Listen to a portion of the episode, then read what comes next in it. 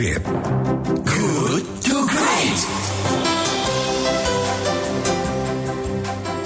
107,1 Kilat FM Bandung, Inspiring Sound. Terima kasih sahabat Kilat Anda masih bersama dengan kami di Good to Great because good is the enemy of great. Tiba saatnya saya Aska Said akan mengajak Anda untuk berdiskusi. Tema diskusi kali ini adalah berkaca dari tragedi susur sungai SMPN 1 Turi Sleman. Bagaimana agar hal ini menjadi pelajaran berharga bagi dunia pendidikan kita dan tak kembali terulang.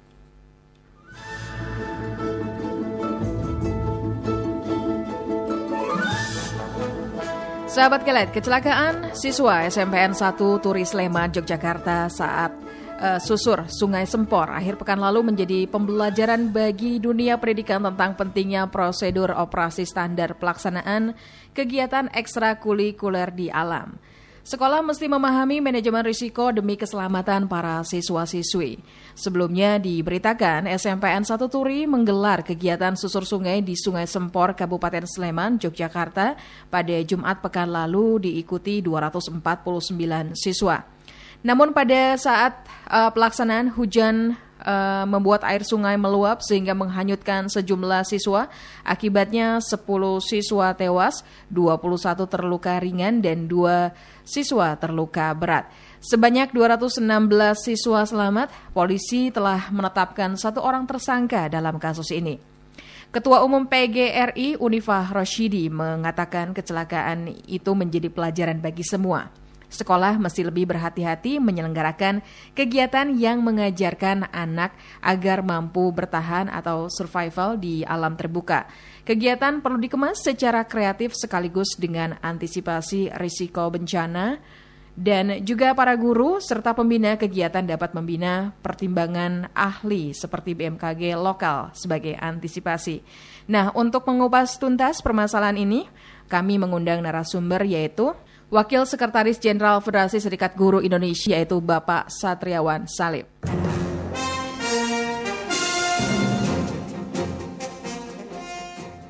Halo, selamat pagi Pak Satriawan. Ya, halo Mbak Aska, selamat pagi. Selamat pagi untuk mendengar semua sahabat Gilais. Iya, apa kabar nih Pak? Alhamdulillah, walaupun baru banjir ya kemarin di Jakarta. Iya, banjir ya Pak ya, dikepung banjir. Betul. Mudah-mudahan cepat surut ya, bisa beraktivitas kembali ya Pak Iwan ya. Uh, Pak Iwan, saya panggilnya Pak Iwan aja nih ya. Mangga. Iya, mangga.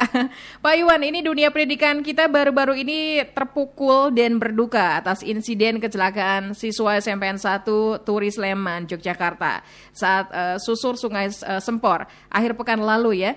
Bagaimana tanggapan Anda selaku uh, sekjen dari VGSI? Iya, uh, pertama kami secara kelembagaan FSGI mengucapkan uh, berbelasungkawa yang mendalam karena ini apa namanya sebuah tragedi ya musibah uh, untuk sekolah-sekolah uh, kita anak-anak kita artinya dalam konteks uh, dunia pendidikan uh, saya belum mendengar apa namanya peristiwa musibah yang korbannya sebanyak ini itu yang pertama. Ya terkait dengan kegiatan ekstrakurikuler di luar sekolah sebenarnya apa sih manfaat bagi siswa-siswi menurut anda Pak? Ya, kalau kita berkacanya normatif, memang di dalam peraturan Menteri Pendidikan itu, di dalam kurikulum 2013, uh, khusus pramuka itu menjadi ekstrakurikuler wajib. Mm -hmm. Dan memang uh, di satu sisi ada ekstrakurikuler pilihan ya, seperti mm -hmm. misalnya paskibra, apa namanya ini, uh, kesehatan, uh, uh, karya ilmiah remaja dan seterusnya, jurnalistik dan seterusnya. Nah, mm -hmm. uh, mestinya uh, esensi dari ekstrakurikuler itu kegiatan yang diikuti oleh siswa berdasarkan minat, bakat, hobinya masing-masing. Yang prinsipnya adalah meningkatkan kreativitas, mm -hmm. meningkatkan inovasi, dilaksanakan mm -hmm. secara riang gembira, gitu kan, disesuaikan dengan uh, apa yang siswa uh, inginkan, gitu. Bukan sebaliknya. Jadi ekstrakurikuler itu wadah siswa bersama-sama untuk riang bergembira saja, mm-hmm. uh, melakukan kreativitas, meneliti, menulis, ya kan, berkegiatan di alam, pencipta lingkungan dan seterusnya. Itu substansi sebenarnya. Betul, betul, betul. Iya, Pak Iwan, ini berkaca dari tragedi susur sungai di Turis Sleman. Bagaimana agar hal ini menjadi pelajaran berharga bagi dunia pendidikan kita dan tak kembali terulang? Apa saran ya. Anda pada Kemendikbud? Nah, saran saya sebenarnya bukan hanya untuk Kemdikbud ya, tapi juga lebih spesifik kepada Pemda uh, provinsi, kemudian kota kabupaten. Karena apa kita tahu SMA SMK itu di bawah SMA SMK itu di bawah provinsi, kemudian SD SMP itu di bawah uh, kota kabupaten. Nah, hmm. spesifiknya yang pertama adalah di setiap kegiatan kan sekolah itu seharusnya sudah punya pemetaan hmm. bahwa dalam konteks manajemen risiko, kegiatan itu ada yang risikonya uh, tinggi, high risk, kemudian ada yang middle, kemudian ada yang low. Nah, misalnya kalau kegiatan sekolah yang risikonya sangat rendah bahkan zero lah gitu ya, kos nggak ada risikonya, misalnya upacara bendera ya kan, mm-hmm. kemudian ada UTE apa PTS atau PAS gitu kan penilaian akhir semester atau UAS. Mm-hmm. Nah, tapi ada yang tinggi Ya kegiatan yang resikonya tinggi adalah misalnya kegiatan yang di luar yang mengikut sertakan uh, warga orang banyak di alam liar gitu mm -hmm. kan, kemudian menggunakan transportasi, gitu. misalnya ada studi tour atau studi lapangan ke trip gitu kan, pakai bis ke provinsi mana tujuh bis gitu kan misalnya. Ada atau misalnya ada live in gitu. Misalnya sekolah saya juga ada live in lima hari di kampung gitu kan. Ada penjelajahan mm -hmm nyusuri apa namanya sawah, pegunungan, kebun, sungai juga gitu. Nah, kalau kegiatan yang risikonya tinggi tadi, sekolah harus punya satu tentu perencanaan. Mm-hmm. Yang kedua tentu ada evaluasi, mm-hmm. ya kan. Yang ketiga harus ada keterlibatan, keterlibatan semua orang, semua pihak. Mm-hmm. Siapa itu yang terlibat? Tidak hanya guru, kepala sekolah, tapi juga harus ada orang tua kalau kegiatannya di alam tentu yang ikut adalah misalnya dinas apa uh, orang pemerintah daerah, kelurahan, desa misalnya, Karang Taruna, bahkan dokter, babinsa. Itu sih pengalaman kami, saya pribadi di sekolah saya, kami selalu seperti itu.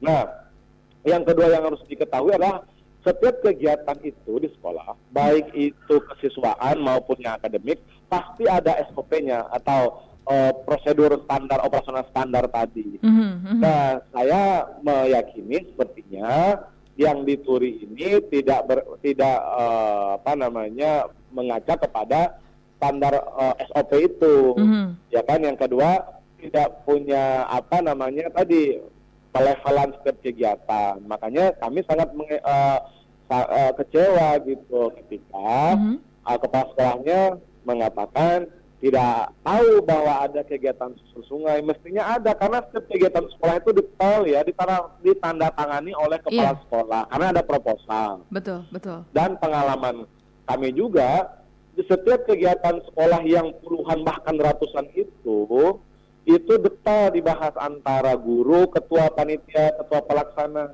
pembimbingnya hmm kepala sekolah, wakil kepala sekolah, termasuk bahkan dalam kegiatan tertentu orang tua dilibatkan di situ. Mm -hmm. Nah, ini mungkin yang sepertinya uh, tidak ada. Nah, yang ketiga adalah setiap kegiatan sekolah, khususnya yang berisiko tinggi itu, mestinya sekolah itu pimpinan, guru-guru involve, ikut, melibatkan diri. Mm -hmm. Misalnya, kami ada live-in, ya kan di kampung lima hari. Betul. Family ini itu orang tua ikut terlibat apa namanya kesehatan, dokter, babinsa, polisi, karang taruna, kita libatkan warga. Mm-hmm. Nah misalnya ada penjelajahan, itu guru-guru ikut semua masing-masing mm-hmm. uh, kelompok, kemudian ada posnya misalnya, kemudian kepala sekolah juga ikut.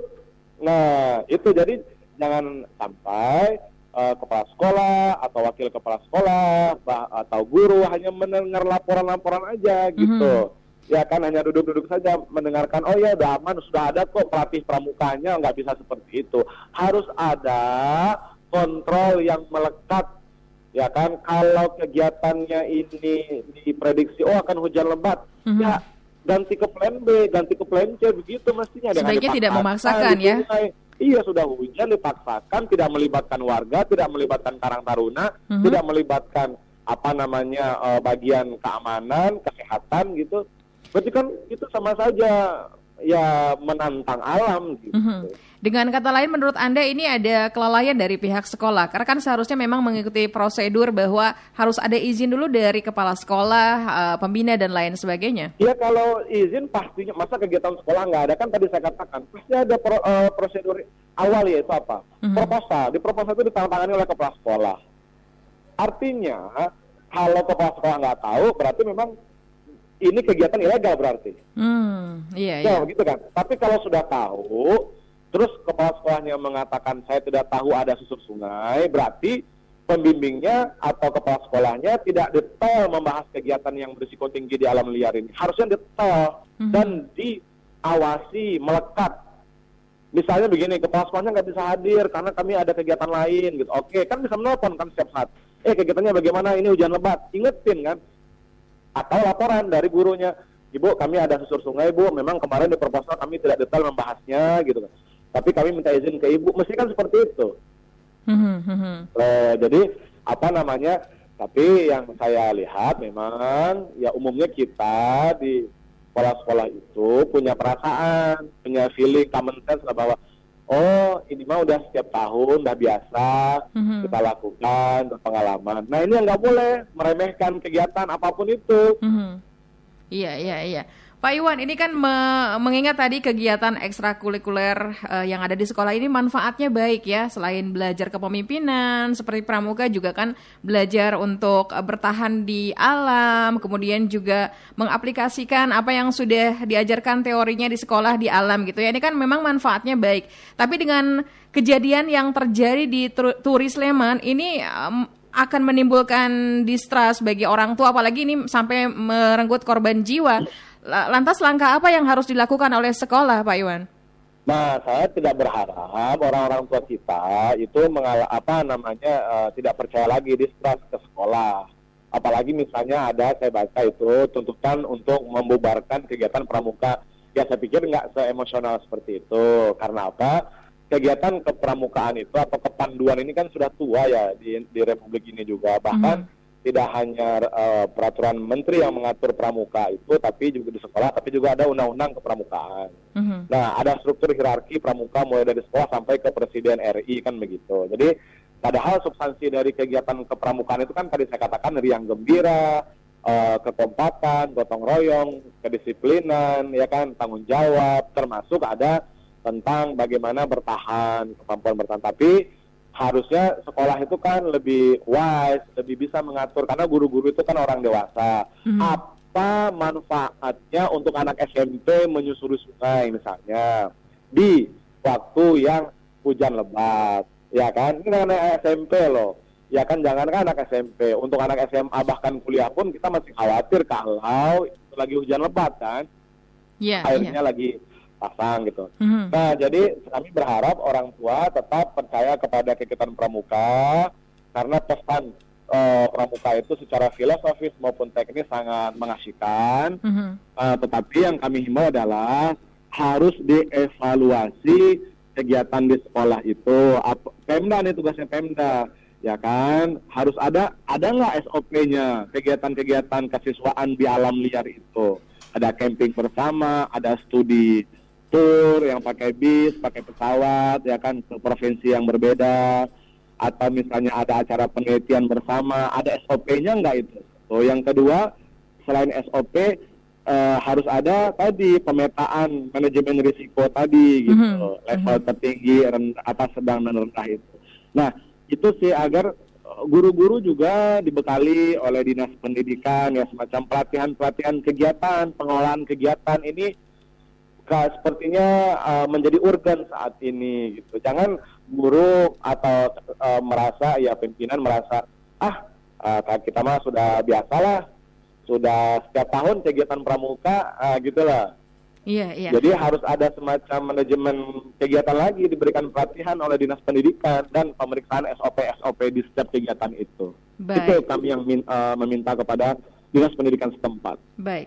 Pak Iwan, selain tadi uh, mengenai uh, standar operasi pelaksanaan atau SOP tadi untuk kegiatan-kegiatan ekstrakurikuler sekolah anak-anak, kemudian juga pemetaan manajemen resiko, lantas saran apa lagi nih uh, menurut Anda yang harus disarankan kepada pihak sekolah, kepada pihak terkait, uh, terkait maksud saya dan juga pada Kemendikbud, apa yang harus dilakukan selain tadi yang sudah Anda sebutkan agar hal yang terjadi uh, yang terjadi di Turis Sleman tidak terjadi lagi di sekolah lainnya?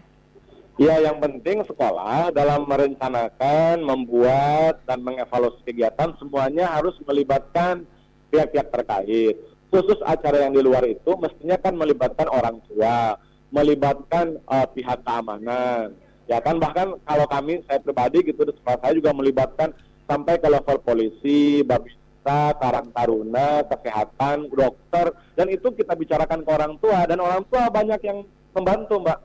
Ya kan? Jadi mohon maaf ada uh, kita ada kegiatan ini di kampung ini, nanti ada begini begini, begini. Uh, kita butuh tenaga medis didatangkan. Kita butuh misalnya keamanan didatangkan. Nanti di kampungnya kita kerjasama dengan warga dan seterusnya. Jadi harus melibatkan kalau itu di alam harus melibatkan orang-orang yang ahli, ya kan atau warga setempat ya kan? Atau pihak keamanan dan pihak uh, tenaga medis. Itu yang pertama. Jadi jangan abai terhadap apa namanya indikator-indikator kegiatan yang uh, berisiko tinggi. Nah kemudian yang kedua kepada Kemdikbud kami berharap tadi berkoordinasi mengkoordinasikan dengan uh, dinas-dinas setempat memastikan bahwa setiap sekolah di setiap kegiatan itu khususnya yang berisiko tinggi ada SOP-nya ya kan? Dan uh, guru dalam mendesain kegiatan harus bijak harus arif karena orang dewasa. Bahkan pengalaman kami misalnya kami sudah punya rencana A nih. Ya kan ideal banget. Tapi melihat alam misalnya waduh ini hujan lebat nih kayaknya besok. Langsung kami batalkan kami ganti ke plan B ke plan C. Mm -hmm. Jadi nggak ada yang mutlak-mutlakan gitu, apalagi ini untuk siswa SMP, untuk hmm. anak-anak hmm. kita yang penting kan mereka yang gembira. Iya, iya, masih banyak nah, hal yang bisa dilakukan ya. Betul, konsep survival itu kan nggak harus menemui sungai kan, nggak harus iya. seperti itu kan. gitu. Betul, Jadi kita yang lebih bijak karena kita dewasa. Kalau anak mah mbak ikut-ikut aja dia mah.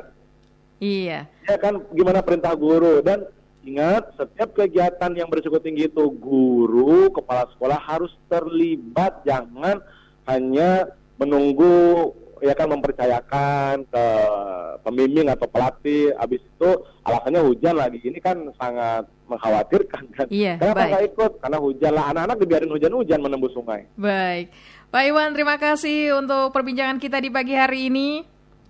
Siap sama-sama Mbak Alta. Iya, mudah-mudahan nanti kita bisa bertemu lagi di perbincangan lainnya ya Pak Iwan Baik, ya. Baik, terima kasih Mbak. Ya, sukses untuk Anda, selamat pagi. Baik, selamat pagi.